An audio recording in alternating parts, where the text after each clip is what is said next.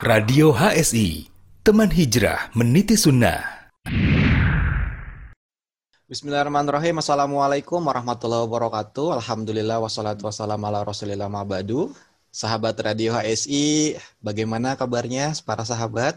Semoga dalam keadaan sehat walafiat ya dan selalu insya Allah dalam perlindungan, rahmat serta berkah dari Allah Azza wa Jalla. Amin. Allahumma amin. Dan seperti biasa, Alhamdulillah kami ucapkan, saya sendiri juga senang sekali bisa menemani sahabat Radio ASI. Artinya kita diberi umur panjang yang mana Allah memberikan kita kesempatan untuk selalu beribadah dan juga tidak luput untuk selalu bertobat setiap saat. Sahabat Radio ASI, teman hijrah meniti sunnah, beberapa menit ke depan di malam ahad ini insya Allah saya akan menemani kalian untuk membicarakan mengenai bincang kesehatan Radio HSI live dari studio Radio HSI. Uh, eh, dan seperti biasa kami juga tidak bosan untuk selalu menghimbau serta mengajak sahabat Radio HSI untuk membantu dalam penghentian penyebaran virus COVID-19 dengan stay at home, berdiam diri di rumah ataupun bila terpaksa harus keluar rumah untuk tetap uh, selalu mematuhi protokol kesehatan yang sudah ditentukan oleh pemerintah. Dan untuk sahabat Radio HSI yang ada di rumah, tidak perlu khawatir merasa bosan karena sahabat bisa memutar ulang video-video ada di channel YouTube maupun di platform digital Radio HSI uh, seperti di Twitter, Facebook, Instagram, juga ada di platform audio seperti Spotify, Pinterest, LinkedIn. Baik, uh, malam ini kita akan berbicara mengenai penyakit tuberkulosis atau di bahasa medisnya lebih sering disingkat dengan TB dan di masyarakat awam pada umumnya kita mengenal sebagai TBC.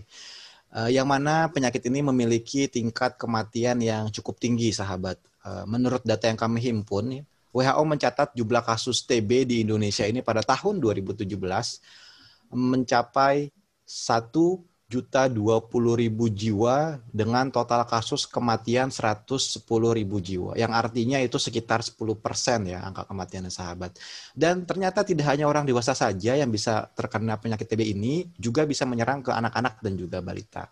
Dan ini menarik ya karena malam ini kita akan berdiskusi langsung kepada ahlinya eh, seperti pembahasan apa sih perbedaan TB pada anak dan dewasa bagaimana diagnosanya, bagaimana pencegahannya, dan bagaimana mengobatinya. Langsung saja kita sapa narasumber kita yang sudah berada bersama kita, Dr. Anashri Zakaria, spesialis anak. Assalamualaikum, dokter. Waalaikumsalam warahmatullahi wabarakatuh. Sehat, dok? Alhamdulillah. Alhamdulillah. Saat ini dokter sedang ada di mana nih, dok? Di Melihat. rumah. Oh, di rumah. Di Bekasi. Rumah di Bekasi, Masya Allah. Luar biasa. Dokter jadwal praktek selama pandemi ini padat nggak, dok? Uh, enggak, jadwal praktek berkurang dan juga pasiennya berkurang. Ah, Masya Allah, Masya Allah. Dokter kalau boleh tahu nih praktek di mana ya, dok? Saya praktek di dua rumah sakit di daerah Bekasi. Ah, Insya Allah, insya Allah. Taib dok, kita bahas ke diskusi kita malam ini dok mengenai uh, tuberkulosis nih. Seperti yang kami himpun ini kan merupakan penyakit infeksi dan uh, menular dok ya tuberkulosis ya. ini dok. Tapi sebelum kita bahas lebih jauh nih dok, definisi atau yang dimaksud dengan tuberkulosis itu sebenarnya apa sih dok? Tuberkulosis adalah uh, penyakit infeksi yang disebabkan oleh Mycobacterium tuberculosis. Yang terbanyak ah, okay. itu menyerang paru. Dan juga ada yang di luar paru. Jadi yang lebih banyak itu yang di menyerang paru. Uh, memang organ yang diserang oleh bakteri berarti dok ya tadi. Uh, ya benar. Tuberkulosis. Jadi ya Mycobacterium tuberkulosis ya. Dia uh, dia menyebab uh, menyebar ke daerah paru. Nah ini masuknya itu dari mana dok asal mula bisa masuk ke paru tuh karena uh, berbicara dengan orang lain kah atau karena makanan kah atau karena polusi kah gitu? Uh, masuknya bersama uh, melalui saluran pernafasan, terutama uh, di, uh, dari orang yang uh, mengandung kuman uh, tuberkulosis. Ya, kita pakai istilah kuman tuberkulosis. Hmm. Jadi orang Ini... bicara dengan orang tuberkulosis, hidup bersama orang yang tuberkulosis, dan juga mungkin pada kondisi orangnya bersin. Jadi bersin itu lebih memancarkan atau memercikan lebih banyak lagi partikel kumannya. Ah, jadi uh, kalau ada orang yang bersin, kita lagi ngobrol nih, kita hmm. uh, kita ada orang yang lagi ngobrol terus ada yang bersin, itu memiliki bersin atau batuk uh, atau batuk ya, hmm. itu bisa bisa terkena tuberkulosis. Nah, tapi kita bisa tahu dari mana orang tersebut itu uh, mengidap tuberkulosis, dok? Apakah ada ciri-ciri yang terlihat secara fisik atau memang kita nggak tahu gitu, apakah orang tersebut itu menderita TB atau tidak? Nah, di sinilah yang susahnya kita. Kita juga sama seperti mungkin COVID ya. Kita tidak tahu orang ini tuberkulosis atau tidak tuberkulosis. Kecuali sudah kita kenal dia tuberkulosis. Mungkin dapat riwayat dia tuberkulosis. Jadi uh, okay. kalau orangnya tidak tahu, uh, mungkin kita juga nggak bisa uh, membayangkan bahwa dia tuberkulosis atau tidak. Walaupun kalau orang pada orang dewasa, ya salah satunya batuk-batuk lama itu salah satunya. Oh, itu itu gejala berarti dok ya. Apa namanya ya, sih? Diagnosa gejala. berarti ya. Hmm, bukan Kalau diagnosa. kita melihat ada orang yang batuk, seberapa lama dok? Tiga bulan, enam bulan kah gitu?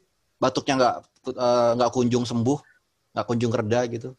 Ya biasa hitung hitungan bulan. Jadi ya kalau untuk batuk-batuk lama, kemudian biasanya penurunan daya tahan, penurunan berat badan, dan hmm. uh, lebih gampang untuk uh, terkena penyakit lain. Nah biasanya oh. pada anak kita udah mulai apakah hmm. mungkin ini baru kita boleh berpikir. Gitu. Gejala atau diagnosanya sama tidak dok antara uh, orang dewasa dan juga anak-anak yang terkena uh, TB ini dok? Gejalanya pada anak itu minimal batuknya.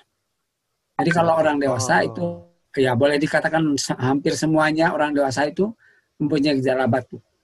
Pada anak bisa saja tanpa batuk. Oh, jadi anak bisa terkena TB dengan tanpa batuk gitu, Dok ya? Tanpa batuk. Sama seperti uh, COVID ya, yang yang TG orang tanpa gejala berarti ya. Jadi secara fisik kita melihat anak kita tuh sehat, ternyata uh, terkena penyakit TB. Nah ini berarti harus mengecek rutin dong orang tua untuk uh, kesehatan anak dok. Ya, salah satunya tadi di, dikatakan bahwa ter, terutama pada anak yang sepertinya terlihat uh, terhenti perkembangannya atau uh, lambat perkembangan dan pertumbuhannya. Hmm. Kemudian disertai dengan uh, ya sering sakit. Kadang-kadang orang tua bilang sakitnya juga nggak terlalu kalau demam ya minum obat warung juga selesai. Jadi nggak per, nggak perlu ke dokter, tapi lebih yang terlihat itu uh, agak melamban pertumbuhan berat badan atau uh, ya pertumbuhan berat badannya. Dok, uh, Afwan nih, kalau misalnya ada keluarga yang ternyata anaknya itu menderita TB, ya, uh, lalu apa yang harus dilakukan oleh orang tua si anak, dok? Apakah mengisolasi, segera membawanya ke rumah sakit untuk apa namanya dilakukan tindakan, atau ada langkah lain, dok? Ya, biasanya kita mencurigai anak TB dengan yang seperti disebut tadi demam yang tidak terlalu jelas sebabnya, kemudian keterlambatan pertambahan berat badan, apalagi bila disertai di ada riwayat kontak dengan ya terutama orang dewasa. Jadi orang dewasa dikenal dalam lingkungannya berobat, obat untuk suatu untuk tuberkulosis. Hmm. Uh, uh, jadi ya tidak perlu diisolasi, tapi yang jelas bila uh, kalau mau di, kita balik ya bila ada orang dewasa yang positif sakit di rumah itu malah kita menganjurkan semua anak bahkan bukan juga anak orang dewasa di di lingkungannya minimal dalam satu rumah itu kita lacak dulu apakah sudah menyebar penyakitnya apa belum. Jadi mungkin mirip oh, COVID lah kalau ada satu yang positif di tracking dulu, di tracing semua. Kalau ya. untuk tingkat infeksi penyebaran dari TB ini seberapa tinggi, Dok? Jadi sebetulnya tingginya itu eh, tergantung kepada ada yang positif atau tidak. Jadi eh, ada orang dewasa lebih sering pada orang dewasa yang positif atau tidak. Nah, ya, tadi kan kita disampaikan bahwa berbicara batuk bersin itu akan eh, akan mem, memercikan Eh, kuman-kuman tuberkulosis yang bisa akan pindah ke orang lain. Jadi kita juga di sini misalnya disebutkan kontak cukup lama erat ya lama itu 15 menit juga sudah bisa menyeb, eh, apa eh, menularkan. tertular Kalau untuk anak sendiri dok, apakah ada imunisasi dok untuk TB dok? Ada vaksinasi tuberkulosis itu ya, kita Hmm. kenal sebagai eh, vaksinasi BCG dan itu mung- merupakan vaksinasi yang paling awal kita dilakukan dulu di Indonesia. Jadi dari zaman mungkin udah ada 50 tahun yang lebih lalu sudah dilakukan. Hmm. Nah, itu ya tapi sampai sekarang masih mungkin tidak ya tidak bisa lah mencapai 90 persenan mungkin sekitar baru eh, itu cakupannya. Jadi BCG itu Hmm. seperti disampaikan dalam eh, wawancara kita tiga bulan yang lalu bahwa vaksinasi BCG itu sangat sangat besar pengaruhnya dalam mencegah eh, tuberkulosis. Jadi baru satu-satunya pencegahan yang bisa Ah, dilakukan. iya. Vaksin BCG itu ya dok ya. Hmm. Tapi ada kemungkinan tidak ketika anak sudah eh, melakukan vaksin BCG, eh, tapi kemudian hari terkena TB dok. Oh ada, jelas ada. Jadi eh, semua prinsip vaksin itu adalah mencegah terjadinya suatu penyakit atau bila mendapatkan penyakit itu gejalanya lebih ringan eh, Oh. atau sakitnya tidak berat. Jadi prinsip vaksin itu bukan untuk anti terhadap penyakit tersebut gitu dok ya. Jadi ketika kita divaksin tuh ada kemungkinan terkena penyakit tersebut. Hmm. Tetap tetap ada. Oke. Nah ini karena sama-sama menyerang organ paru dok. Ini bagaimana cara membedakan antara TB dengan virus corona saat ini dok? Untuk anak ya, misalnya ketika ada anak melihat dengan gejala yang sama gitu ya, terus ketika dites eh, hasil tesnya untuk COVID-nya positif gitu kan, mau nggak mau kan berarti nanti si anak ini yang terkena seharusnya TB ternyata diisolasi dok.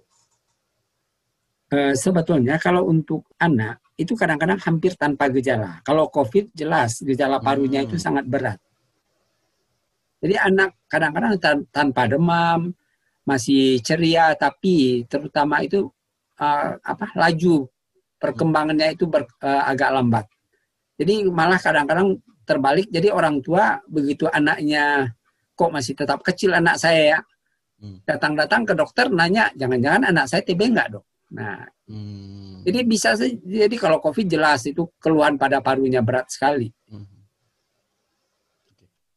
Nah dok, boleh eh, boleh diinfo nggak kepada kami seberapa banyak sih data anak-anak yang terkena TB di Indonesia dok? Atau mungkin dunia? Ya, kalau data yang jelas saat sam- saat ini Indonesia itu berkutat di ranking 2 dan atau 3 di dunia. Jadi Masya Allah. India India, Cina, Indonesia. Jadi untuk biasanya itu India itu ranking 1, Cina dan Indonesia Masya itu eh, rebutan ranking 2-nya. Rebutan ranking 2 ya. Rebutan Tapi ranking dua. 2-nya Itu untuk penyakit TB dok. Insya Allah, insya Allah. Ya, semoga dimudahkan sama Allah ya supaya eh, penyakit ini eh, tidak terjangkit di Indonesia khususnya pada anak-anak gitu. Ada usia rentan nggak dok eh, di pada anak itu yang terkena TB? Misalnya ternyata yang yang paling banyak terkena TB itu anak-anak usia lima tahun, tujuh tahun gitu dok. Eh, sebetulnya kalau dibilang usia rentannya hampir sama saja. Ah. Tapi yang lebih yang agak lebih tinggi itu pada anak yang berusia di antara 1 sampai 5 tahun. Mungkin karena sudah mulai keluar ke lingkungan jadi bukan hanya di rumah saja. Jadi bu- jadi eh, apa sumber penularan bukan hanya dari orang tua, jadi lingkungan juga. Misalnya main ya dok anak- ya sama Nah, anak-anak komplek gitu ya. main misalnya bermain di tetangga, Hmm. eh tetahunya tetangga ada yang sakit dan eh, jadi sumber penularan. Insya Allah, insya Allah. Apakah TB ini dapat timbul karena sebab penyakit lainnya dok? Eh, sebab penyakit lain tidak, tapi eh, eh, saling saling mendorong, saling mem- memperberat. Jadi misalnya pada anak dengan eh, pada anak misalnya kita bicara anak dengan eh, kurang gizi atau ada penyakit-penyakit yang lain itu gam, lebih gampang eh, tertular eh, tuberkulosis karena eh, daya tahan yang lebih rendah. Jadi lingkungan, eh, gizi, sanitasi juga sangat menentukan. Selain dari ada penyakit-penyakit lain.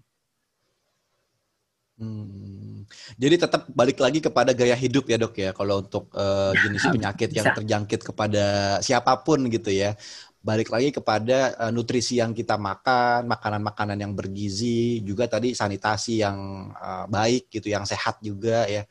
Juga pola makan, uh, tata cara makan dan semuanya itu balik lagi kepada sunnah-sunnah Rasul yang sudah diajarkan berarti dok ya makan harus uh, mencuci tangan gitu ya harus uh, bersih dan lain sebagainya harus toharoh lah intinya seperti itu ya Insya Allah ya jadi di dalam peneliti, uh, dalam laporan itu uh, di angka usia 1 sampai 4 tahun itu lebih tinggi dibandingkan dengan usia anak lainnya. Nah, nantinya ah. pada orang dewasa itu mulai naik dan akan uh, mencapai puncak pada usia ya di, sekitar di atas 60 tahun. Karena orang tua sudah mulai menurun lagi kekebalannya. Oke, oke, oke, oke. Masya Allah, Masya Allah. Ini, ini, ini menarik sekali ya. Karena, nah ini balik lagi nih dok. Di usia-usia 1 sampai 4 tahun itu, kenapa dok alasan tadi dok? Ya, mungkin itu lebih kepada uh, lingkungan yang anak sudah mulai Main, bermain ya. di luar. Nah, uh, jadi kemungkinan tertular dari luar dan orang tua juga mungkin tidak uh, mungkin tidak menyadari bahwa ya anaknya dari siapa dari siapa dapatnya. Karena uh, ya, ini kan uh, uh, maaf dok. Ini kan penyakit yang kita nggak tahu dia terkena atau tidak. Apakah disarankan atau direkomendasikan tuh harus selalu mengecek kepada check up lah medical check up itu berapa bulan sekali gitu dok? Tes darah dan lain sebagainya atau ya udah noting noting tulus saja gitu dok. Maksudnya ngejalanin hari-hari seperti biasa sampai memang berasa gejala yang cukup berat.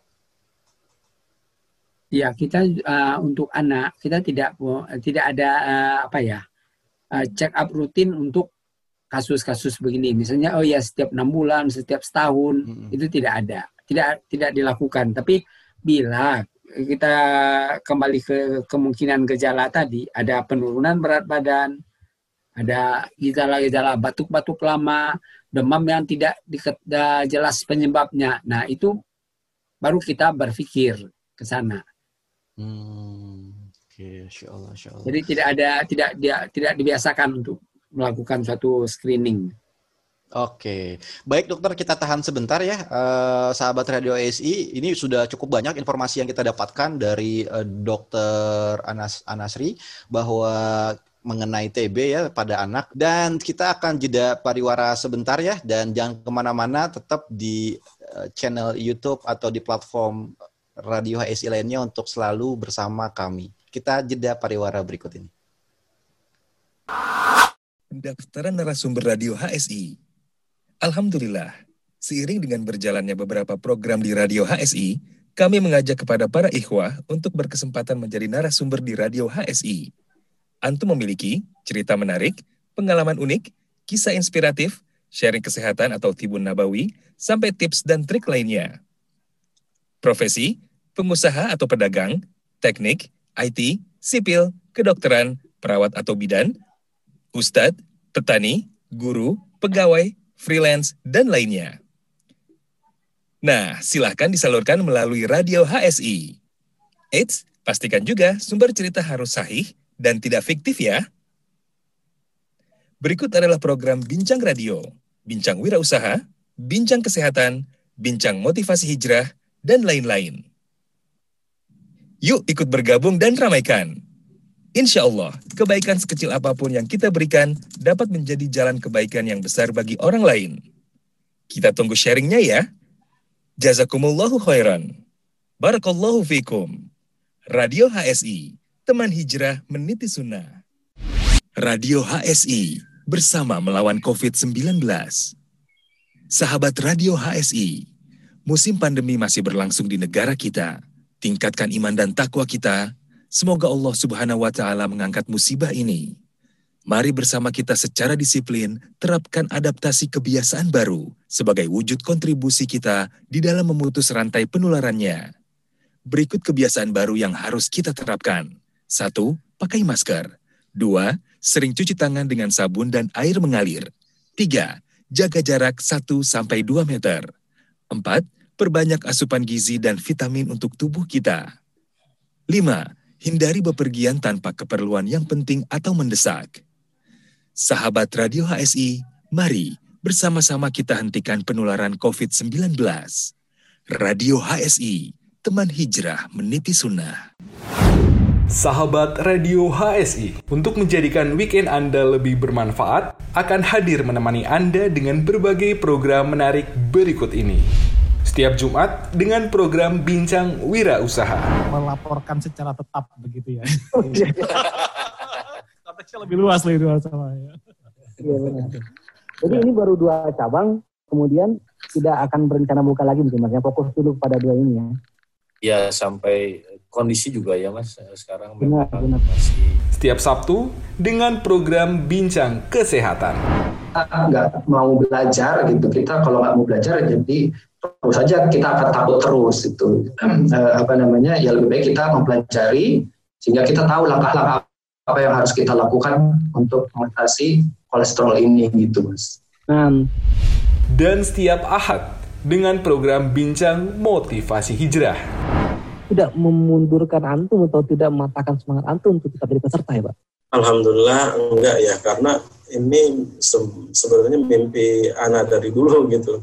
Dulu ketika mulai ngaji, eh, mulai ikut-ikut kajian yang lebih intens, Ingat, pukul 20 hingga 21 lebih 30 menit waktu Indonesia bagian Barat. Jangan lewatkan kisah-kisah menarik, menginspirasi, dan bermanfaat. Anda juga bisa berinteraksi langsung dengan para narasumber melalui line interaktif di 0811 37074. Barakallahu fikum. Sahabat Radio HSI, teman hijrah meniti sunnah, kita kembali lagi ke diskusi kita bersama Dr. Anashri Zakaria, spesialis anak. Dan kita akan lanjut bertanya kepada Dr. Anashri ya. Dok, eh, tadi sempat di mention sama dokter bahwa eh, usia 1 sampai 4 tahun itu merupakan usia yang cukup rentan ya eh, dari anak-anak untuk terkena TBC. Ya, ini, dan ini kan ada usia 1 dan 2 tahun yang mana anak tersebut masih em, ASI ya dok ya.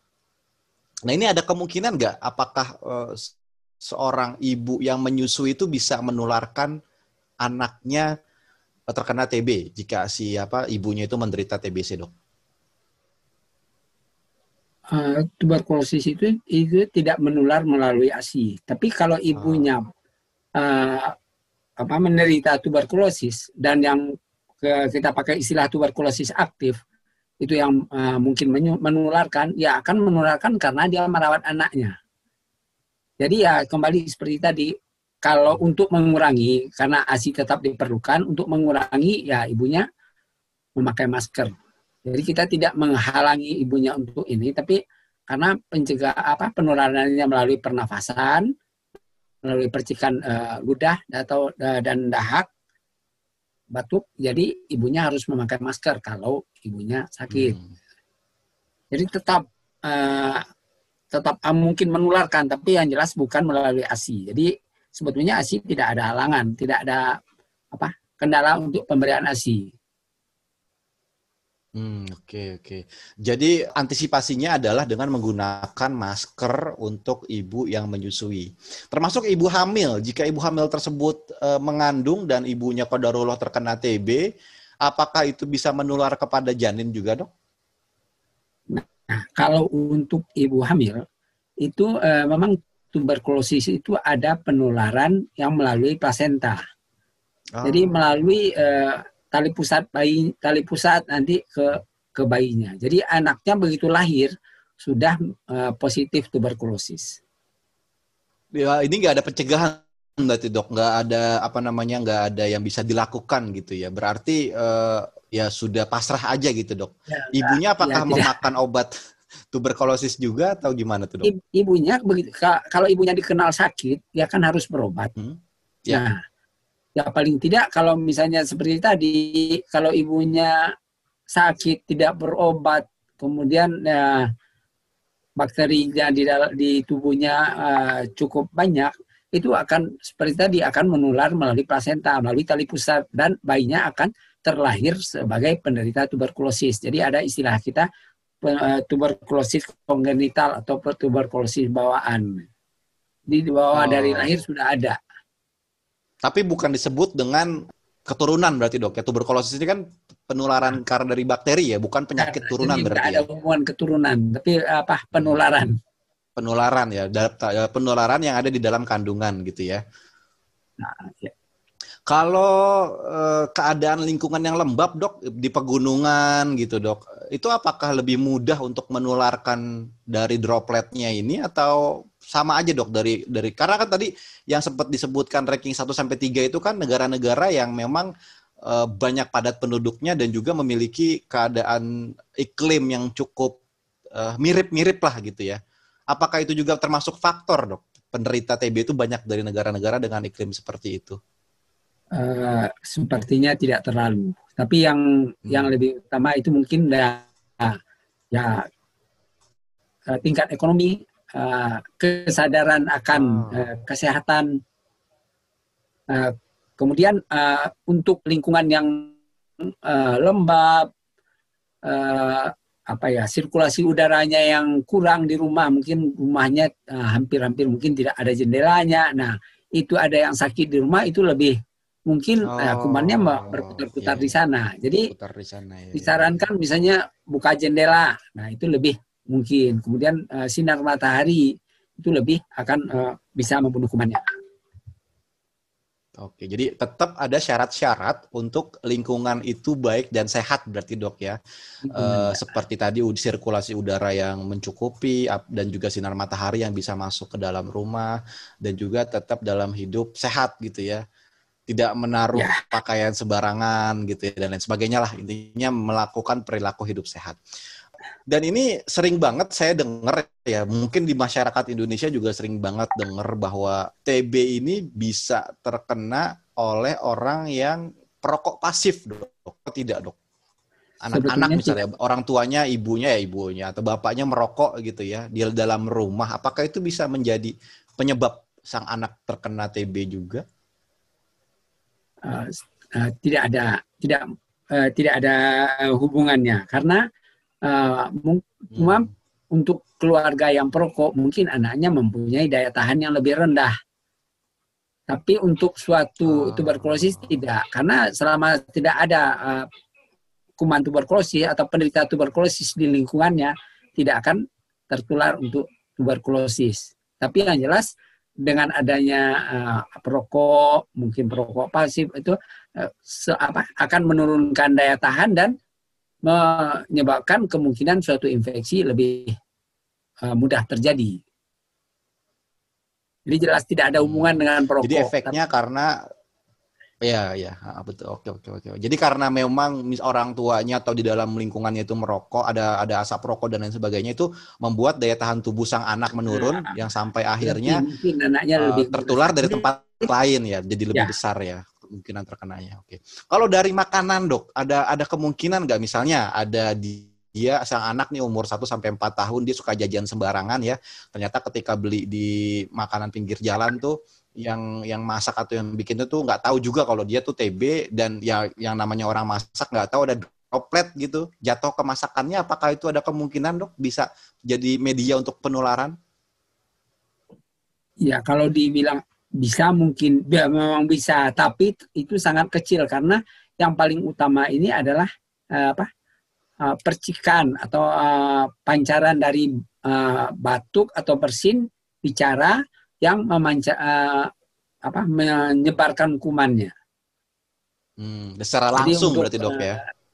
Ya langsung benar. Jadi ya jarak eh, lama kontak juga sangat menentukan. Oke. Jadi ya agak-agak mirip dengan COVID-19 berarti dok ya? Eh, kontak sama orang yang apa ya penderita untuk itu eh, lamanya gitu risiko ya. penularan juga bisa. Nah kalau untuk anak sendiri dok berarti ini memang sangat penting sekali untuk orang tua itu memberikan nutrisi yang baik agar antibodinya kuat dok ya? Ya, ah. memang harusnya. Hmm, Nah, kalau misalnya ngomongin nutrisi berarti nanti balik lagi seberapa aware orang tua sang anak ini untuk mencari tahu makanan-makanan apa yang memang memiliki nutrisi atau gizi yang tinggi untuk sang anak. Nanti bisa konsultasi dengan ahli gizi berarti dok ya? ya, jadi memang nah. uh, ada sebentar. Jadi ada oh, ya, memang di uh, penelitian uh, uh, sekitar 10 tahun yang lalu di Indonesia ini berdasarkan survei rumah tangga. Jadi untuk pendidikan ya di sini pendidikan yang orang tua yang berpendidikan rendah itu uh, mempunyai kemungkinan uh, anaknya menderita tuberkulosis itu hanya dari survei itu dua setengah kali lebih tinggi dari orang yang uh, orang tuanya pendidikan tinggi. Kemudian ekonomi yang kurang itu juga dua kali lebih tinggi dibandingkan dengan ekonomi yang cukup atau baik. Jadi sangat Jadi kalau misalnya ada orang ya Iya, jadi kalau misalnya ada orang yang memiliki ekonominya kurang baik, itu kan juga sedikit banyak mempengaruhi ke pendidikan dok ya. Ada orang ya. yang ekonominya kurang baik, berarti kan pendidikannya juga kurang baik. Jadi kalau secara logika ditambah dok, jadi empat kali lipat lebih dong dok. Bisa. Kemungkinan terkena kok TBC gitu itu.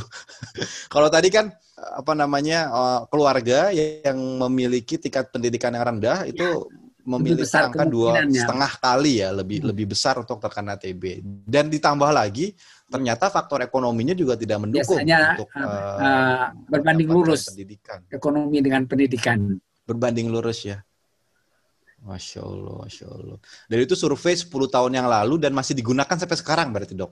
Rasanya masih masih tidak jauh be, apa? Masih relevan ya? masih tidak jauh beda ya. Apalagi ditambah dengan pandemi yang mana ini mempengaruhi uh, pemasukan dari para masyarakat Indonesia ya dok ya. Yang mana kan ada PHK di mana-mana itu kan baik lagi ke faktor ekonomi ya. Dan juga pendidikan yang mana anak-anak pada sekolah di rumah berarti. Tapi seharusnya ya. juga mengurangi dampak penularan TBC karena kan mereka stay di rumah uh, secara logika memang harusnya akan berkurang penularan tuberkulosis saat ini. Karena ya seperti tadi, tapi untuk anak yang benar-benar di rumah. Jadi tapi kan sekarang mas kalau kita dilihat lingkungan sekolah tidak, tapi masih main, main ya dok ya, masih bertemu dengan teman-teman komplek. di jalanan juga masih ramai setiap saat masih. Hmm, yeah, yeah, yeah. Nah, jadi ya kalau kita pisah satu persatu harusnya memang akan berkurang. Tapi ya mungkin kita baru bisa melihat beberapa tahun ke depan. Hmm, ya, baru angkanya kelihatan berarti dok ya dari jumlah uh, pasien atau penderitanya gitu kan. Kalau sekarang kan nggak mungkin kelihatan. Dok, ini uh, pertanyaan selanjutnya adalah jika ada orang baik dewasa ataupun anak ya yang terkena TB uh, eh, ini bagaimana khususnya anak sih sebetulnya bagaimana kita mengajari anak nih untuk tata cara batuk gitu dok uh, terus bersinnya atau lebih spesifik seperti membuang dahak atau ludahnya dok. Ini kan juga salah satu media yang bisa menular kepada orang lain dok. Terlebih anak-anak ini kan cukup sulit untuk diajarkan atau menggunakan masker dalam kehidupan sehari-harinya jika sang anak menderita TB Uh, jadi memang uh, walaupun sekarang tidak begitu terlihat, jadi untuk orang yang uh, terutama yang, yang tuberkulosis memang harusnya uh, membuang dahak atau ludah kalau atau batuk itu dia uh, ada ke apa ya semacam wadah khusus. Jadi ya apakah ada, wadah itu akan dibawa selalu dok? Ya sebetulnya sih ya, karena sekarang memang tidak pernah terlihat lagi. Tapi kalau dulu kalau orang yang sakit dan positif itu dia harus uh, meludah ke tempat uh, tempat tertentu itu semacam ya kalau misalnya kita ada semacam kaleng dan ber, ditutup itu biasanya kadang-kadang itu nanti disterilkan lagi. Jadi untuk oh, mengurangi itu penularan. Jadi orang-orang beberapa tahun yang lalu tuh seperti itu dok ya, dia terkena ya, TB bawa-bawa kaleng gitu dok. Yang lalu saya sekolah seperti itu masih. Oke. Kalau sekarang mungkin bisa diganti menggunakan plastik kali dok. Boleh jadi. Mungkin nggak? Mungkin. Jadi bisa. dia ngeludah di dalam plastik. Ya, ditutup lagi atau diikat. Nanti limbah me- li- apa limbah medisnya dikemanakan dok? Apakah dibuang ke tempat sampah atau Eh, ada tempat khusus untuk membuang? itu? sebetulnya itu eh, dengan sinar matahari juga eh, kumannya akan mati Oh. dan juga kalaupun nanti dibakar juga tidak ada masalah. Oh jadi ada suhu-suhu tertentu yang mana bisa mematikan bakteri eh, tuberkulosis tersebut dok ya? Iya. Dengan sinar matahari aja eh, paparan sinar matahari aja sudah jauh mengurangi eh, kemungkinan kumannya hidup. Oh, berarti nggak perlu panas-panas banget ya. Dimasak pun berarti mati dok ya. Dibakar juga mati berarti. Mati, mati kumannya. Karena seperti kita Gimana, Dok? kenal itu prinsip pasteurisasi dengan di angka 6, eh, 70 derajat sekian menit itu kita sudah akan mematikan kuman. Jadi kuman awalnya itu pasteurisasi itu ya terutama untuk Hmm. kuman tuberkulosis juga dulu.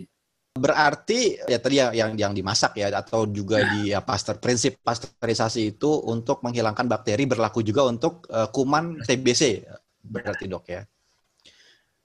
Dan untuk TB ini jika ada orang atau anak terkena penyakit eh, TB ini dok, apakah ada kemungkinan besar dia bisa terkena komplikasi dok penyakit-penyakit lainnya yang mengikut sertakan? Pada tuberkulosis. Itu kan terjadi penurunan penurunan daya tahan lagi. Karena ya seperti kita udah tuberkulosis kemudian datang lagi suatu penyakit lain itu akan menyebabkan satu sakit eh, tuberkulosisnya berat. Kemudian juga sakit yang kedua ini juga akan lebih lama untuk sembuhnya. Jadi lebih membutuhkan eh, pengobatan yang lebih intens lagi Hmm. dan nantinya kan juga tetap harus didukung oleh nutrisi, sanitasi. Jadi mungkin sa- mau diibaratkan dengan COVID selama kalau COVID kan dikenal ada komorbidnya enggak. Jadi selama komorbidnya minimal atau tidak ada eh, kemungkinan fatalnya juga lebih berkurang. Oke. Ya, ya. bisa dijelaskan dok tadi komorbid itu apa dok biar yang nonton sahabat radio HSI juga memahami. Eh, Komorbid itu ya kalau kita pakai istilah kita itu eh, mungkin suatu penyakit penyerta. Penyakit Jadi, penyerta ya. penyakit penyerta atau penyakit pemberat. Misalnya pada tuberkulosis, penyakit penyertanya disertai dengan gizi yang buruk. Kemudian Hmm. ada penyakit-penyakit lain yang menurunkan eh, daya tahan. Jadi itulah yang ya, salah satu yang dianggap suatu komorbidnya. Oke. Nah tadi dokter Anas juga mention mengenai pengobatan dan juga ada yang bertanya nih dok eh, dari Fatimah melalui line interaktif terkait pengobatan. Mengapa pengobatan TBC memerlukan waktu yang lama? Dan ini juga seiringan sih dengan pertanyaan saya selanjutnya nih. Berapa sih jangka waktu pengobatan TBC ini dok? Eh, Jadi memang dari hasil penelitian itu bahwa pengobatan tuberkulosis itu kita standarnya itu akan tuntas itu paling cepat sekitar di angka enam bulan. Jadi itu berdasarkan dari penelitian. Jadi kan ada penyakit ini diobatin sekian lama, dibayangkan atau dibayangkan itu dari penelitian tingkat kesembuhannya sudah dianggap cukup. Jadi ya standarnya itu enam bulan sampai 9 bulan. 6 sampai 9 bulan. Nah, ini saya pernah mendapatkan pernah baca juga dok terkait dengan pen- pengobatan TB ini. Itu kan kalau saya tidak salah ya, eh, selama enam bulan itu kan si pasien menerima obat yang mana dia harus makan nggak boleh putus dok. Kalau misalnya pasien tersebut putus satu hari, itu ternyata dia harus mengulang eh, periode pemakanan obat. Misalnya dia sudah makan obat itu nggak putus selama tiga bulan, tetapi dalam satu hari dia lupa. Artinya itu dia harus ngulang lagi gitu, nggak harus nggak nggak nggak melanjutkan waktu atau periode pengobatan tersebut. Itu benar atau tidak dok? Eh, sebetulnya tidak perlu dilakukan pengulangan. Tapi kalau kita menyampaikan ke orang tua bahwa bila dia terputus beberapa hari, kita nggak usah satu hari, te- terputus beberapa hari, itu tentu kemungkinan dia akan sembuh jadi lebih berkurang Oh, lebih dibandingkan lama dengan ya. yang teratur. Kalau saya Hmm. biasanya bilang sama orang tua pasien berobat itu ya tetap aja ada kemungkinan yang tidak sembuh. Teratur berobat masih ada kemungkinan tidak sembuh. Bagaimana pula dengan orang yang minum obatnya mungkin bah- bahasanya bolong-bolong. Jadi kalau kita mengajari bahwa kemungkinan untuk jadi sembuh jadi lebih kecil lagi nanti. Nah, dengan begitu mereka juga ya kalau misalnya lupa ya kita tidak menghukum bahwa dia harus mengulang lagi, tapi yang jelas disampaikan bahwa kemungkinan dia untuk sembuh jadi lebih lama atau lebih rendah. Jadi prinsipnya tidak di tidak dipenalti lah gitu. Hmm. Kemungkinan terburuk dari TB ini kematian berarti dok. Itu seberapa seberapa tinggi sih dok? Tadi kan sempat di awal saya baca data WHO itu 10% angka kematiannya tahun 2017. Tapi saya nggak tahu apakah itu data anak-anak atau data orang dewasa atau semuanya masuk. Kalau pada anak-anak dok? Uh, sebetulnya sama saja tingkat kematian. Sama saja berarti ya. Hmm. Itu itu penyebabnya karena terlambat pengobatan atau pengobatan yang kurang disiplin, Dok. Semuanya bisa saja terjadi, tapi yang jelas uh, tuberkulosis ini sebetulnya bukanlah penyakit yang uh, terlalu fatal, tetapi karena adanya apa faktor-faktor yang memperberat kondisi. Oke. Okay. Seperti apa aja saja, Dok? Kemudian tuberkulosis yang berkembang ke luar paru di anak terutama di anak ya itu paling cukup banyak kejadiannya itu tuberkulosis yang mengenai selaput otak. Nah itu biasanya memang lebih ah. fatal. Penyakit selaput otak itu apa ya namanya saya lupa lagi. ya meningitis. meningitis ya, meningitis nah, ya. Meningitis. Jadi ah. jadi kita memang tambahkan lagi meningitis tuberkulosa. Jadi meningitis ah. yang disebabkan oleh kuman tuberkulosanya. Jadi misal dok ada jamaah misalnya sang anak itu berangkat umroh ya dia TB gitu misalnya nggak tahu dia TB gitu dan dia sudah vaksin meningitis ketika pulang tuh ada kemungkinan terkena meningitis tuberkulosa dok oh tidak oh tidak karena tuberkulosa ya penyebabnya kuman tuberkulosanya hmm. jadi kalau meningitis yang spesifik untuk yang di, dicegah untuk pasien eh, orang-orang yang pergi umroh itu kuman penyebabnya bukanlah kuman tuberkulosis. Oh, beda ya. Beda. Dan itu Jadi, cuma berarti arahnya beda. Saja. Jadi, di sini tempatnya yang diserang sama-sama selaput otak, tapi penyebabnya beda. Jadi penyebabnya hmm. ini uh, tuberkulosis ya pengobatannya ya pengobatan tuberkulosis secara umum tuberkulosis juga. Ah, oke, okay, oke. Okay. Ya tadi dokter sempat mention ada faktor beberapa faktor-faktor yang bisa memperberat penyakit TB. Ya, faktornya itu adalah salah satunya ada penyakit-penyakit penyerta yang lain pada kondisi uh, nutrisi yang berkurang, nutrisi yang kurang atau pada status kurang gizi. Kemudian kalau terakhir itu berapa 20 tahun yang lalu itu kasus tuberkulosis itu akan banyak berkembang lagi pada orang-orang dengan penyakit penurunan daya tahan, terutama HIV. Itu 20 tahun yang lalu, Dok ya? Ya mulai 20 tahun ke belakang. Begitu oh, banyak HIV ya hmm. kasus Udah mulai jadi penyakit penyerta ya? malah ya? di, di negara maju kasus tuberkulosis banyak pada orang yang penderita HIV. Toib dok, ini ada pertanyaan selanjutnya dari 0823 3734 sekian sekian di line interaktif. Bagaimana efek terhadap janin bila ibu hamil sedang mengidap penyakit TBC?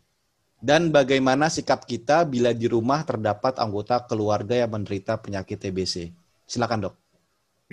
Jadi eh, pada ibu hamil yang menderita tuberkulosis itu akan karena penyakit tuberkulosisnya akan menular ke bayinya, bayinya akan satu terlahir sebagai suatu uh, tuberkulosis. Nah, ya, atau gejala yang didapat pada bayi yang dilahir tuberkulosis biasanya Eh, berat badannya berat badan lahirnya lebih rendah dibandingkan dengan anak yang harusnya kemudian dia akan berkembang sebagai suatu tuberkulosis. Itu untuk uh, bayi. Jadi ya, ibunya tetap harus berobat minum obat. Kita berharap ya kita hanya bisa berharap tidak melahirkan bayi anak bayi dengan tuberkulosis bawaan atau tuberkulosis komunital istilahnya. Kemudian bila ada di rumah yang menderita positif, harusnya harusnya itu semua anggota keluarga kita periksa untuk menilai apakah sudah ada penyebaran kepada keluarga yang lain.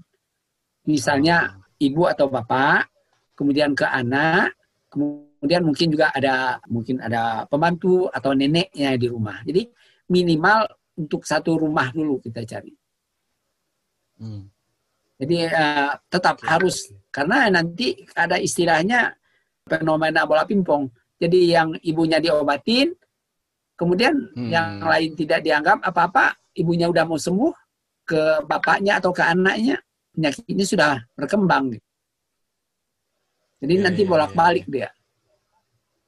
Jadi harus begitu ada Dan- satu yang sakit, kita harus mencari sudah sejauh mana penularan di, di lingkungan keluarga dulu. Toib, toib. Baik dokter, terima kasih atas jawabannya. Semoga terjawab ya yang tadi bertanya di line interaktif dari Mbak Fatimah dan juga dari 08233739 dan kita akan jeda iklan sebelum kita lanjut ke pembahasan selanjutnya. Baik, kita jeda iklan dan jangan ke mana-mana sahabat Radio IC, kita akan kembali setelah pariwara berikut ini. Pendaftaran narasumber radio HSI. Alhamdulillah, seiring dengan berjalannya beberapa program di radio HSI, kami mengajak kepada para ikhwah untuk berkesempatan menjadi narasumber di radio HSI. Antum memiliki cerita menarik, pengalaman unik, kisah inspiratif, sharing kesehatan atau tibun nabawi, sampai tips dan trik lainnya. Profesi, pengusaha atau pedagang, teknik, IT, sipil, kedokteran, perawat atau bidan, ustadz, petani, guru, pegawai, freelance, dan lainnya. Nah, silahkan disalurkan melalui radio HSI. Eits, pastikan juga sumber cerita harus sahih dan tidak fiktif ya. Berikut adalah program Bincang Radio, Bincang Wirausaha, Bincang Kesehatan, Bincang Motivasi Hijrah, dan lain-lain. Yuk ikut bergabung dan ramaikan. Insya Allah, kebaikan sekecil apa pun yang kita berikan dapat menjadi jalan kebaikan yang besar bagi orang lain. Kita tunggu sharingnya ya. Jazakumullahu khairan. Barakallahu fikum. Radio HSI, teman hijrah meniti sunnah. Radio HSI, bersama melawan COVID-19. Sahabat Radio HSI, musim pandemi masih berlangsung di negara kita. Tingkatkan iman dan takwa kita. Semoga Allah Subhanahu wa taala mengangkat musibah ini.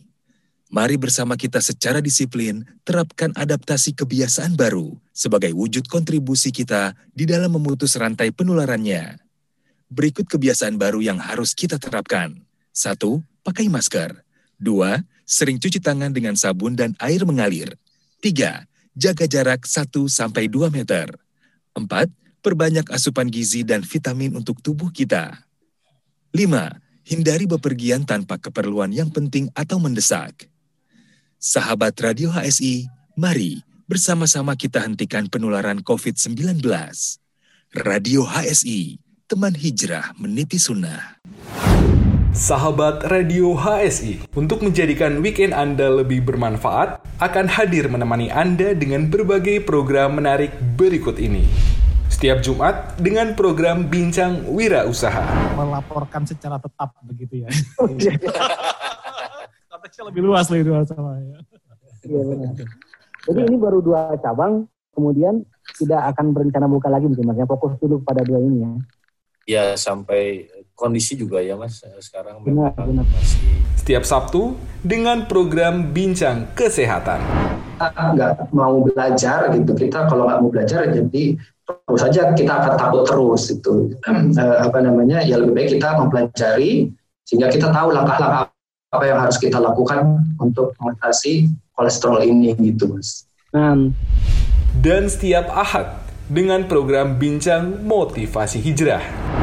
tidak memundurkan antum atau tidak mematahkan semangat antum untuk tetap jadi peserta ya pak? Alhamdulillah enggak ya karena ini se- sebenarnya mimpi anak dari dulu gitu. Dulu ketika mulai ngaji, eh, mulai ikut-ikut kajian yang lebih intens, Ingat, pukul 20 hingga 21 lebih 30 menit waktu Indonesia bagian Barat. Jangan lewatkan kisah-kisah menarik, menginspirasi, dan bermanfaat. Anda juga bisa berinteraksi langsung dengan para narasumber melalui line interaktif di 0811 37074. Barakallahu fikum. Sahabat Radio HSI, teman hijrah meniti sunnah. Terima kasih masih bersama kami di Bincang Kesehatan dengan tema TBC pada anak. Kita akan lanjut ke pertanyaan selanjutnya, dok. Dokter tadi sempat mention bahwa jika ada satu keluarga yang terkena eh, TB, eh, langkah yang dilakukan pertama kali adalah melakukan pemeriksaan keluarga gitu ya. Nah untuk pemeriksaan sendiri ini apa saja yang perlu dilakukan dok? Pemeriksaan darah kah, pemeriksaan urin kah, atau pemeriksaan apa gitu? Jadi sebetulnya bila ada keluarga yang sudah positif, kita uh, harus uh, melacak untuk yang anggota keluarga yang lain. Jadi uh, di sini prinsipnya uh, keluarga di uh, apa uh, yang kemungkinan tersangka kita bawa ke rumah sakit disampaikan kepada dokter bahwa ada keluarga di rumah yang positif. Jadi apakah sudah saya sudah tertular atau apakah anak saya sudah tertular? Nah, jadi yang intinya itu nanti dokter yang akan e, memeriksa dan menentukan apakah perlu dilakukan e, pelacakan. Tapi kalau untuk anak, yang paling utama itu adalah e, dilakukan uji tuberkulen dulu. Oh, uji tuberkulen maksudnya gimana, Dok? Ada istilahnya uji tuberkulen atau uji atau uji mantuk. Itu dilakukan untuk uh, dilakukan uh, penyuntikan pada anak kemudian kita mau melihat apakah uh, reaksinya itu positif atau tidak. Jadi di, bila reaksinya positif itu anaknya uh, dinyatakan sudah terinfeksi. Nah, jadi nanti setelah dinyatakan terinfeksi, kita baru lakukan pemeriksaan lanjut, bisa pemeriksaan darah, kemudian kemudian ronsen dada. Pemeriksaan Jadi, ya, darah dan ronsen dada. Untuk pemeriksaan dahak, apakah perlu dilakukan dok? uh, sebetulnya pada anak itu uh, tidak standar, tapi kalau untuk orang dewasa hmm. itu adalah standar. Jadi kalau pemeriksaan okay. dahak itu adalah kita akan melihat kumannya. Jadi kalau dahaknya sudah positif itu ya artinya ada kuman di dahaknya, berarti ada kuman yang lagi berkembang di tubuhnya. Jadi eh, memang hmm. walaupun hasilnya itu agak uh, bahasanya itu agak rendah, ya, uh, tapi itu uh, apa? istilahnya itu adalah gold standarnya. Jadi begitu dibilang hmm. positif, ya udah nggak tidak ada pembantahannya lagi. Karena yang dilihat adalah kumannya sendiri. Nah, sementara kalau untuk anak nah, itu lebih susah untuk mendapatkannya. Apalagi oh, anak iya, Indonesia iya, iya, itu secara teori itu bisa lebih terlambat dibandingkan dengan ya orang Eropa untuk bisa disuruh mengeluarkan dahak. Yeah, yeah, Jadi untuk yeah. orang dewasa memang uh, dahak itu lebih lebih apa ya lebih tepat lah pemeriksaannya, lebih akurat. Hmm. Oke, baik, baik, baik. Terima kasih dokter. Dan ini ada pertanyaan dok dari sahabat Radio HSI dari Adi Ningsi di line interaktif. Yang pertama, bisakah penyakit TBC disembuhkan secara tuntas? Bagaimana caranya? Yang kedua, apakah orang yang telah sembuh dari penyakit TBC dapat terjangkit kembali? Silakan, Dok. Secara prinsip, dengan pengobatan yang kontinu eh, dan teratur, itu uh, pas uh, tuberkulosis itu bisa sembuh. Ya. Tapi memang kalau dibilang sembuh 100% untuk sementara iya. Tapi bila ada kondisi yang menurun, itu ada istilah reaktif. Jadi tuberkulosisnya aktif lagi. Jadi mau dibilang kambuh ya bukan kambuh istilahnya, tapi aktif lagi. Itu ya seperti tadi dibilang pada kondisi uh, daya tahan menurun, uh, ya termasuk di antaranya juga faktor usia, faktor infeksi yang lain itu akan menyebabkan kambuh. Makanya uh, di sinilah yang banyaknya ditemukan sekarang atau banyaknya dianggap muncul tuberkulosis pada pasien-pasien HIV. Jadi sebetulnya oh, okay. uh, apa pasien itu dulunya sudah pernah terinfeksi, tetapi tidak memberikan uh, apa ya, tidak menjadi apa, tidak jam, sampai jatuh sakit. Jadi terinfeksi baru terinfeksi, tapi belum jadi sakit. Nah, sementara kumannya tetap ada di tubuh, tapi tidak uh, bermanifestasi. Hmm. Nah, setelah uh, kondisinya menurun, nah kumannya akan uh, berkembang dan memunculkan sakitnya. Jadi hanya diperkirakan sekitar 10% orang yang terinfeksi yang memberikan gejala penyakit. Jadi ya tidak tidak semua yang terinfeksi juga ya akan jadi sakit. Hmm. Yang akhirnya yang tentu tidak semuanya yang diobati.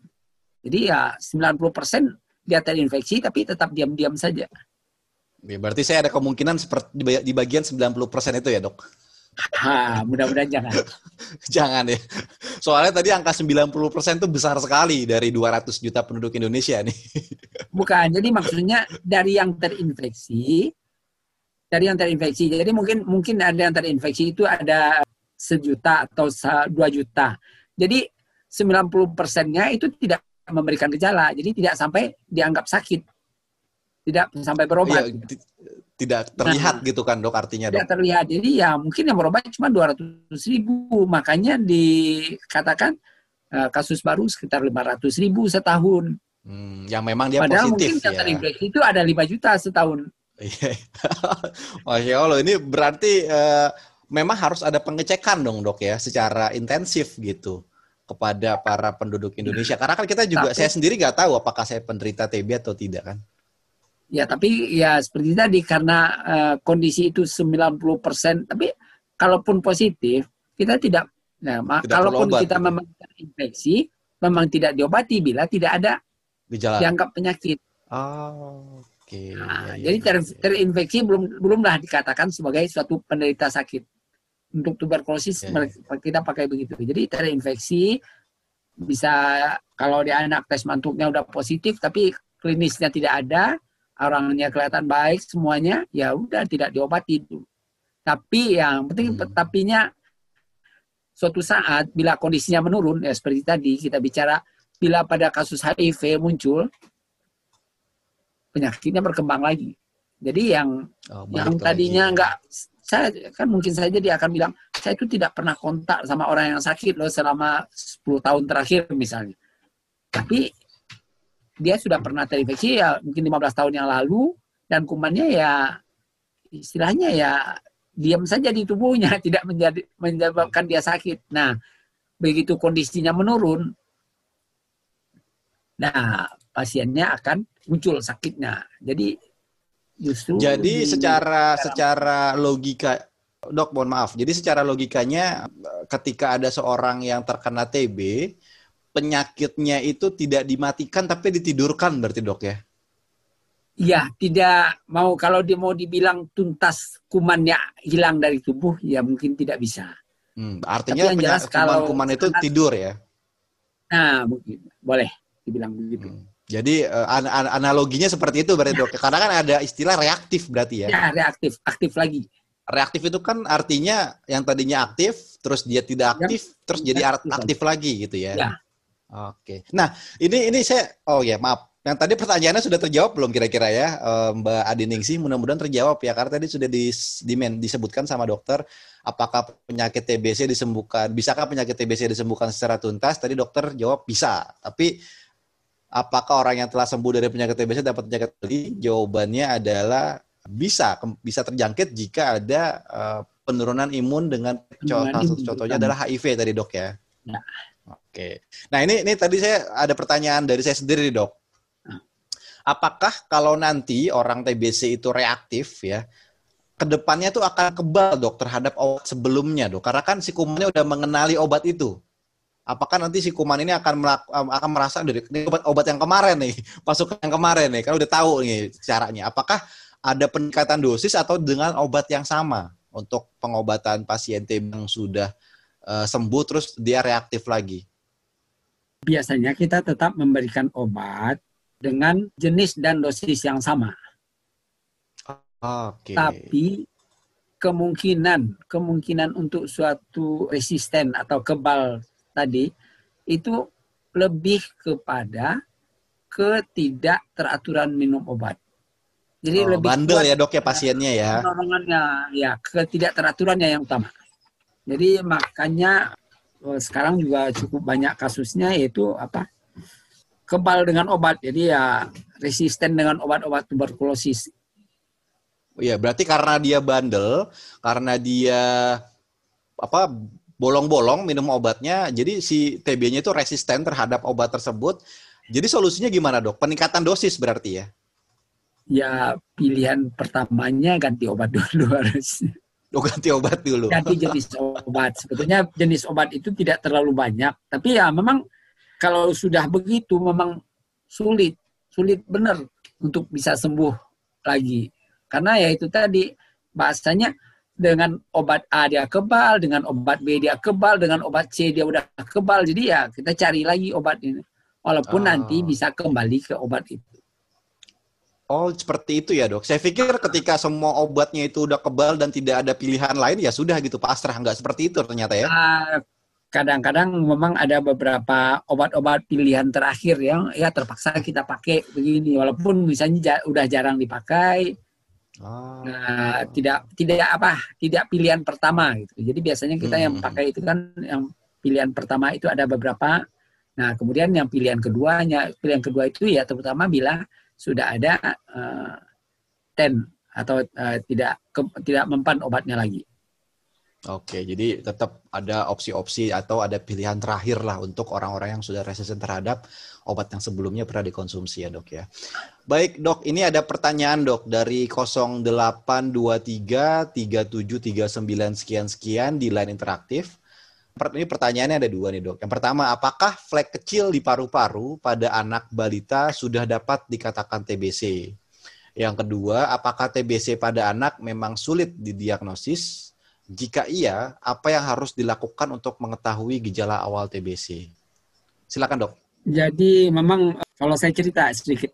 Jadi saya 20 tahun yang lalu ke Jakarta dari Padang. Nah, di Jakarta baru saya mendengar istilah flek. Jadi sebetulnya flek itu adalah gambaran ronsen yang kurang bersih. Jadi ya awalnya itu kan kita dengar kenal istilah flek itu sepertinya adalah bercak Hmm. atau kotor. Nah, jadi gambaran ronsen pada parunya itu yang tidak bersih itu yang dibilang flek. Malah orang tua Oh. lebih banyak menganggap tuberkulosis itu ya ya sama dengan flek. Padahal yang kenapa flek ya itu gambaran ronsennya yang tidak bersih. gitu. Itu alatnya berarti dok ya? Alat ronsen Bukan. yang, Jadi yang- jadi bukan. Jadi ronsennya itu tidak terlihat seperti ronsen normal. Jadi memang ronsennya itu benar, tapi ronsennya itu tidak terlihat seperti yang normal, eh, seperti pada eh, dada orang normal, karena memang sudah ada kelainan yang disebabkan oleh kuman tuberkulosisnya. Jadi mungkin, mungkin loh ya, Hmm, mungkin dokternya menerangkan dulu atau zaman dulu bahwa ini ada bercak bu, ini mungkin ada ada gambaran kotor, ada nggak bersih nih di ronsennya. Nah mungkin ini yang mereka terjemahkan. Jadi kita terutama ya terutama dokter paru itu paling bahasanya mungkin paling alergi lah kalau ada istilah orang bilang flek Hmm.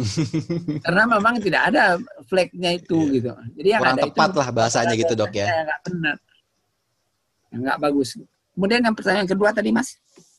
Apakah TBC pada anak memang sulit didiagnosis dok?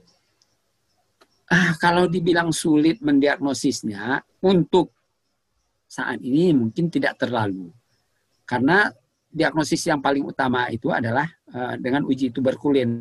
Nah, bila uji tuberkulinnya tidak ada, memang kita akan terpaksa ya meninggalkan. Maksudnya meninggalkan bukan karena bisa kita tinggalkan, tapi karena tidak ada. Memang kadang-kadang bahan untuk uji tuberkulin itu tidak ada. Kemudian bila untuk kondisi lapangan, kondisi lapangan ya dengan fasilitas yang lebih kurang, itu eh, Departemen Kesehatan membuat ada istilahnya skor. Jadi skor itu nanti dilihat dari adakah orang dewasa yang benar-benar positif kuman kumannya yang eh, mungkin tertular, kemudian uji tuberkulinnya positif itu memberi skor tiga.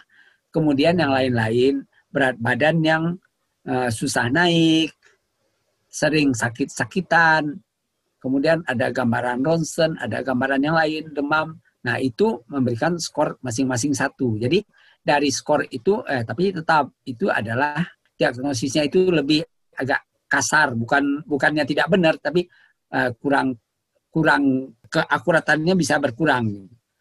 Tapi yang utama eh, kalau dibilang sulit tidak sulit karena uji tuberkulosis, uji tuberkulin, kemudian itu untuk penunjang uji tuberkulin, ronsen sama uh, pemeriksaan darah. Tapi yang utama dokter akan menentukan dari perkembangannya apakah bagaimana kondisi sakit anaknya, kemudian kemudian uh, apa pemeriksaan anaknya sendiri. Jadi kita untuk me membangun suatu diagnosis itu dimulai dari anamnesis, maksudnya tanya jawab mengenai kondisi pasien sakitnya, kemudian pemeriksaan fisik, ya pemeriksaan pasien secara awal, dan yang ketiga itu ada pemeriksaan penunjang. Jadi penunjang inilah yang untuk menambah atau memperkuat diagnosis nanti. Baik dokter, terima kasih jawabannya. Semoga tadi yang bertanya dari 0823 3739 sekian sekian itu terjawab ya. Ini ada pertanyaan selanjutnya dok dari Oriza di line interaktif Oriza. Oh namanya kayak bahasa Latinnya beras nih, Oriza Sativa, Masya Allah. beras. Pola hidup bagaimana yang harus kita miliki agar terhindar dari penyakit TBC? Wah ini penting banget nih dok, apalagi di zaman seperti ini ya yang sedang pandemi ini perlu dijelaskan lebih lengkap nih. Apalagi untuk anak yang suka main keluar.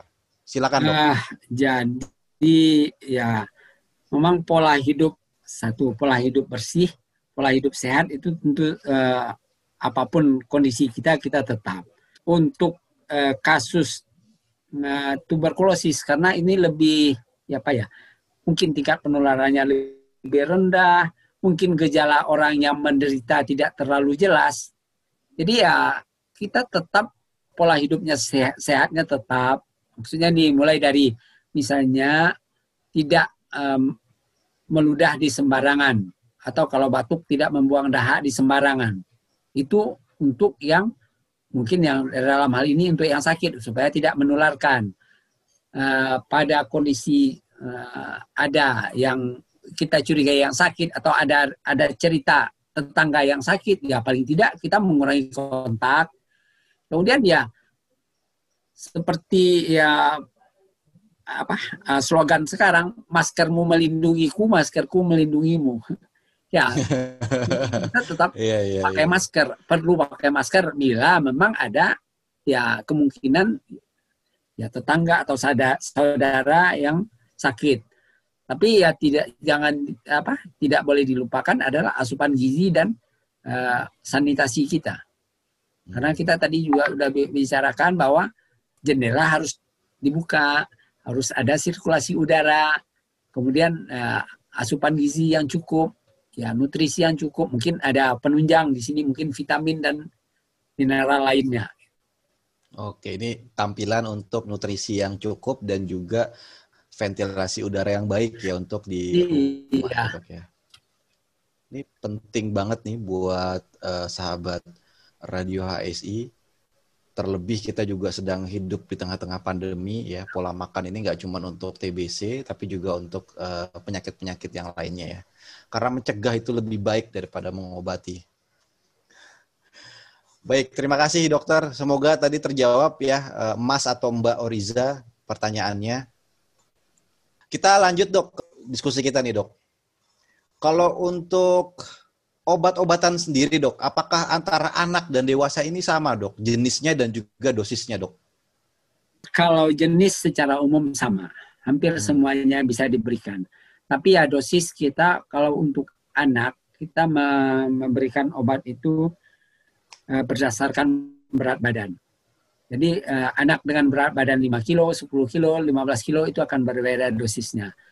Uh, biasanya kalau orang dewasa lebih kepada ya udah dewasa obatnya berapa dosisnya.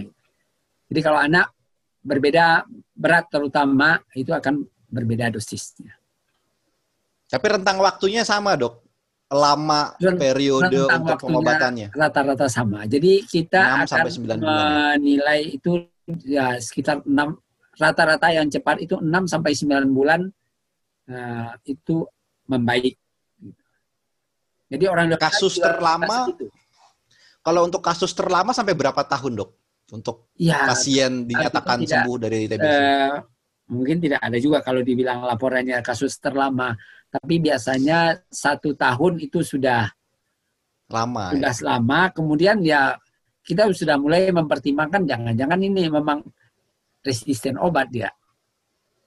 Nah, Hmm. Tapi walaupun atau atau yang kadang-kadang yang bisa terjadi apa istilahnya itu overdiagnosis.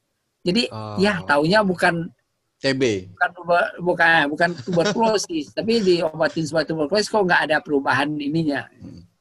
Itu itu berbahaya nggak dok? Ketika ada seorang anak atau pasien baik baik anak-anak ataupun dewasa ketika dia datang ke dokter gitu ya eh, terus ternyata salah diagnosa. Yang tadinya dia mungkin penyakit bukan TB terus dia dinyatakan TB dan diberikan obat-obatan TB yang mana kan berarti tubuhnya sudah mengenali bahwa obat tersebut itu untuk pengobatan TB apakah itu nanti akan berbahaya dan selanjutnya apakah dia nanti itu akan resisten terhadap obat tersebut, dok? Kalau dibilang berbahaya, kalau berbahaya sampai mengancam nyawa sih tentu tidak. Tapi yang jelas pertama itu eh, apa memberikan yang tidak pada tempatnya. Jadi orang Hmm. tidak harus minum obat, minum obat. Jadi bisa kerugian dalam waktu, bisa kerugian dalam uang dan yang ketiga itu tadi orang yang seharusnya tidak diberi obat diberi obat. Mm. Kemungkinan resistensi eh, bisa saja terjadi. Oh, Tapi oke. itu memang eh, tidak ter- tidak banyak kasusnya. Tapi yang salah ya tetap apa? Walaupun kecil eh, kita tetap harus memikirkan ada kemungkinan seperti itu bisa terjadi. Oke, oke, oke. Tapi kan ketika misalnya ada seorang pasien itu difonis, misalnya di rumah sakit dia terkena TB, secara otomatis kan dari pihak eh, rumah sakit itu akan mengisolasi ya, menempatkan pasien tersebut satu ruangan dengan teman-teman atau pasien lain yang memang sudah penderita TB. Berarti jika si pasien ini bukan eh, pasien TB, dimasukkan satu ruangan dengan eh, pasien lain yang positif TB, berarti angka kemungkinan positifnya lebih tinggi ya dok ya. Dia masuk ke rumah sakit bukan pasien TB, keluar rumah sakit malah jadi pasien TB berarti positif. Jadi eh, jadi begini mas, Eh, kasus tuberkulosis ini ham- eh, sangat sedikit yang eh, memerlukan perawatan inap. Oh, Jadi lebih banyak kasus rawat jalan, sangat sedikit kecuali untuk suatu tuberkulosis yang sudah mempunyai komplikasi. hmm. Jadi kalau tidak ada belum ada komplikasi itu lebih kepada eh, status kasus rawat jalan. Hmm. Jadi ya kalau kalau sakitnya berat baru mungkin perlu dirawat. Tapi kalau tidak mungkin ya Oh. tidak sampai 3 persen, 5 persen kasus tuberkulosis yang dirawat. Jadi sangat sedikit yang dirawat kalau tuberkulosis. Oh iya iya iya. iya. Kasus Jadi tidak jalan. seberbahaya itu walaupun angka kematiannya cukup tinggi ya dok ya. Ya, ya karena eh, orang-orang yang berobat tidak teratur itu ya kalau bahasanya ah, penyakitnya akan berlanjut terus dan makin lama makin merusak. Nah, bila apalagi nanti disertai dengan komplikasi. Kalau Oke. terutama orang dewasa adalah yang paling sering itu komplikasinya batuk batuk darah. Kalau ya apakah itu mau dibilang gejala atau komplikasi. Nah, kalau batuk darah kadang-kadang darahnya itu juga sangat banyak. Nah, perdarahannya yang mungkin menyebabkan nanti dia meninggalnya. Baik dokter, terima kasih atas waktu dan juga kebersamaannya bersama kita semua. Dan tidak terasa dok, ternyata sudah 90 menit kita berbincang, berdiskusi mengenai TBC pada anak. Mungkin dokter ada closing statement nih untuk para sahabat Radio HSI yang, yang nonton di rumah ataupun yang mendengarkan dok. Silakan dok. Ya. Jadi eh, kalau saya sih bilangnya tadi tuh ya kalau mau dibilang kasus tuberkulosis pada anak ini eh, kalau mau dibilang mau jualan ini jualan yang nggak nggak terlalu laku tapi karena kasusnya memang masih sangat berat karena seperti tadi kita itu adalah peringkat dua atau tiga di dunia Hmm. jadi dan eh, memang eh, pemerintah sebetulnya sudah menyediakan obat tuberkulosis ini gratis itu ada tapi ya itu tadi masih banyak orang Indonesia yang eh, tidak teratur atau bosan. Dan bosannya yang minum obat karena enam bulan. Iya, lumayan lama 6 enam bulan bulan, nah, tiap hari. Jadi ya kesakitan. lebih banyak kepada itu obat. ketidakteraturannya jadinya. Apa bosan?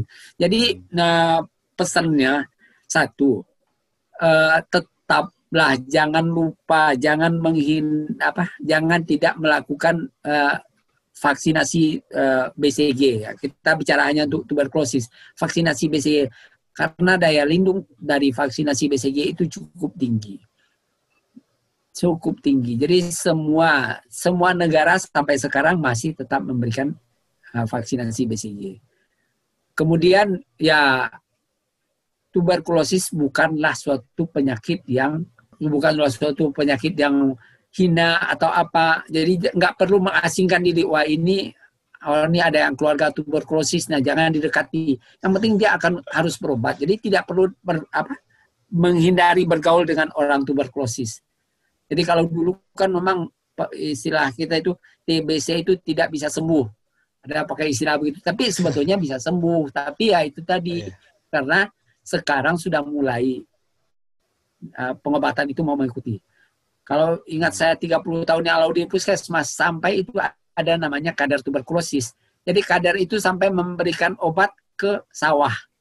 Jadi pasiennya udah pergi ke sawah deh disuruh minum dan ditunggu. Jadi Oh. sampai dia benar-benar minum obat. Jadi bukan sekedar diterima di tangan.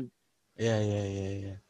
Jadi kemudian ya eh, ada yang sakit lacak semua yang keluarga terdekat dulu. Jadi jangan sampai ya nanti ya seperti tadi fenomena bola pingpongnya jalan. Ya si bapak udah sembuh, si ibunya taunya udah muncul lagi. Kemudian ya seperti tadi tidak tidak ada kata untuk tidak berobat. Karena ya seperti tadi tuberkulosis itu ya selama kita berobat di rumah sakit pemerintah bahkan rumah sakit swasta sekarang itu di drop obat tuberkulosis dari departemen kesehatan. Jadi mungkin istilah ya mahal. Eh, memang ada yang mahal sih obat tuberkulosis tapi pemerintah sudah menyediakan obat. Itu sudah malah di kita bikin untuk enam bulan. Jadi enam bulan itu obat untuk si A itu sudah ada obatnya terjamin sampai enam bulan ke depan. Jadi begitu sudah dinyatakan positif sakit, dicarikan obatnya dan sampai enam bulan ke depan obatnya sudah tersedia. Allah, ketelatenan. Ya, yang utamanya ketelatenan lagi. Baik dokter, terima kasih atas closing statementnya itu penting banget buat sahabat Radio HSI apalagi jika ada keluarga yang terkena bisa disampaikan ya dan juga juga informasi tadi juga bisa jadi salah satu langkah preventif untuk sahabat Radio HSI terhindar dari penyakit TBC khususnya pada sa- pada anak eh, sahabat Radio HSI. Eh, baik, alhamdulillah kita sudah di ujung acara dan tidak terasa 90 menit sudah berlalu. Kita gunakan untuk mencari ilmu kesehatan nih, masya Allah sahabat. Dan semoga waktu yang kita gunakan tadi dihisap dalam hisap yang baik karena menuntut ilmu. Amin, Allahumma amin. Dan semoga ilmu yang tadi kita dapatkan juga dapat bermanfaat setidaknya untuk diri kita sendiri, keluarga, dan juga untuk sahabat Radio HSI yang lainnya. Dan kami dari tim Radio HSI mengucapkan jazakallah khair kepada Dr. Anas, Dok, atas ketersediaan waktu dan juga sharing ilmu bersama kami semua di tengah kesibukan dokter. Dan insya Allah jika Allah izinkan ya dok ya semoga dari Radio AS ini bisa membahas hal lainnya nih bersama dokter. Insya karena Allah. masih banyak eh, apalagi yang dokter spesialis anak nih jadi bisa ngebahas banyak hal tentang dunia anak.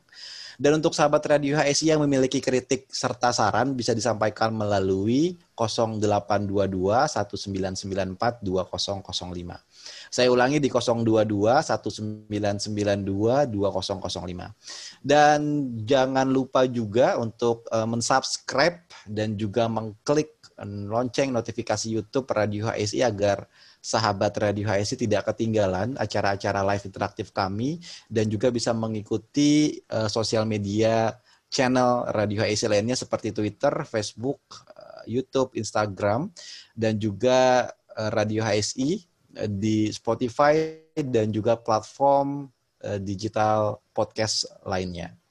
Dan saya Saya Ilham Pradipta pamit undur diri dari Radio HSI. Terima kasih untuk sahabat Radio HSI yang sudah mendengarkan hingga akhir dan mohon maaf bila dalam membawa acara ini ada kata-kata yang salah terucap. Semoga kita selalu istiqomah dalam manhaj yang lurus ini dan dapat mengamalkan sunnah-sunnah Rasulullah SAW. Kita tutup dengan doa kifaratul majlis. Subhanakallahumma wa bihamdika asyhadu an la ilaha illa anta astaghfiruka wa atubu ilaik. Wassalamualaikum warahmatullahi wabarakatuh. Saya Ilham Pradipta dan Dr. Anas pamit undur diri kepada eh, sahabat Radio HSI, teman hijrah meniti sunnah. Radio HSI, teman hijrah meniti sunnah.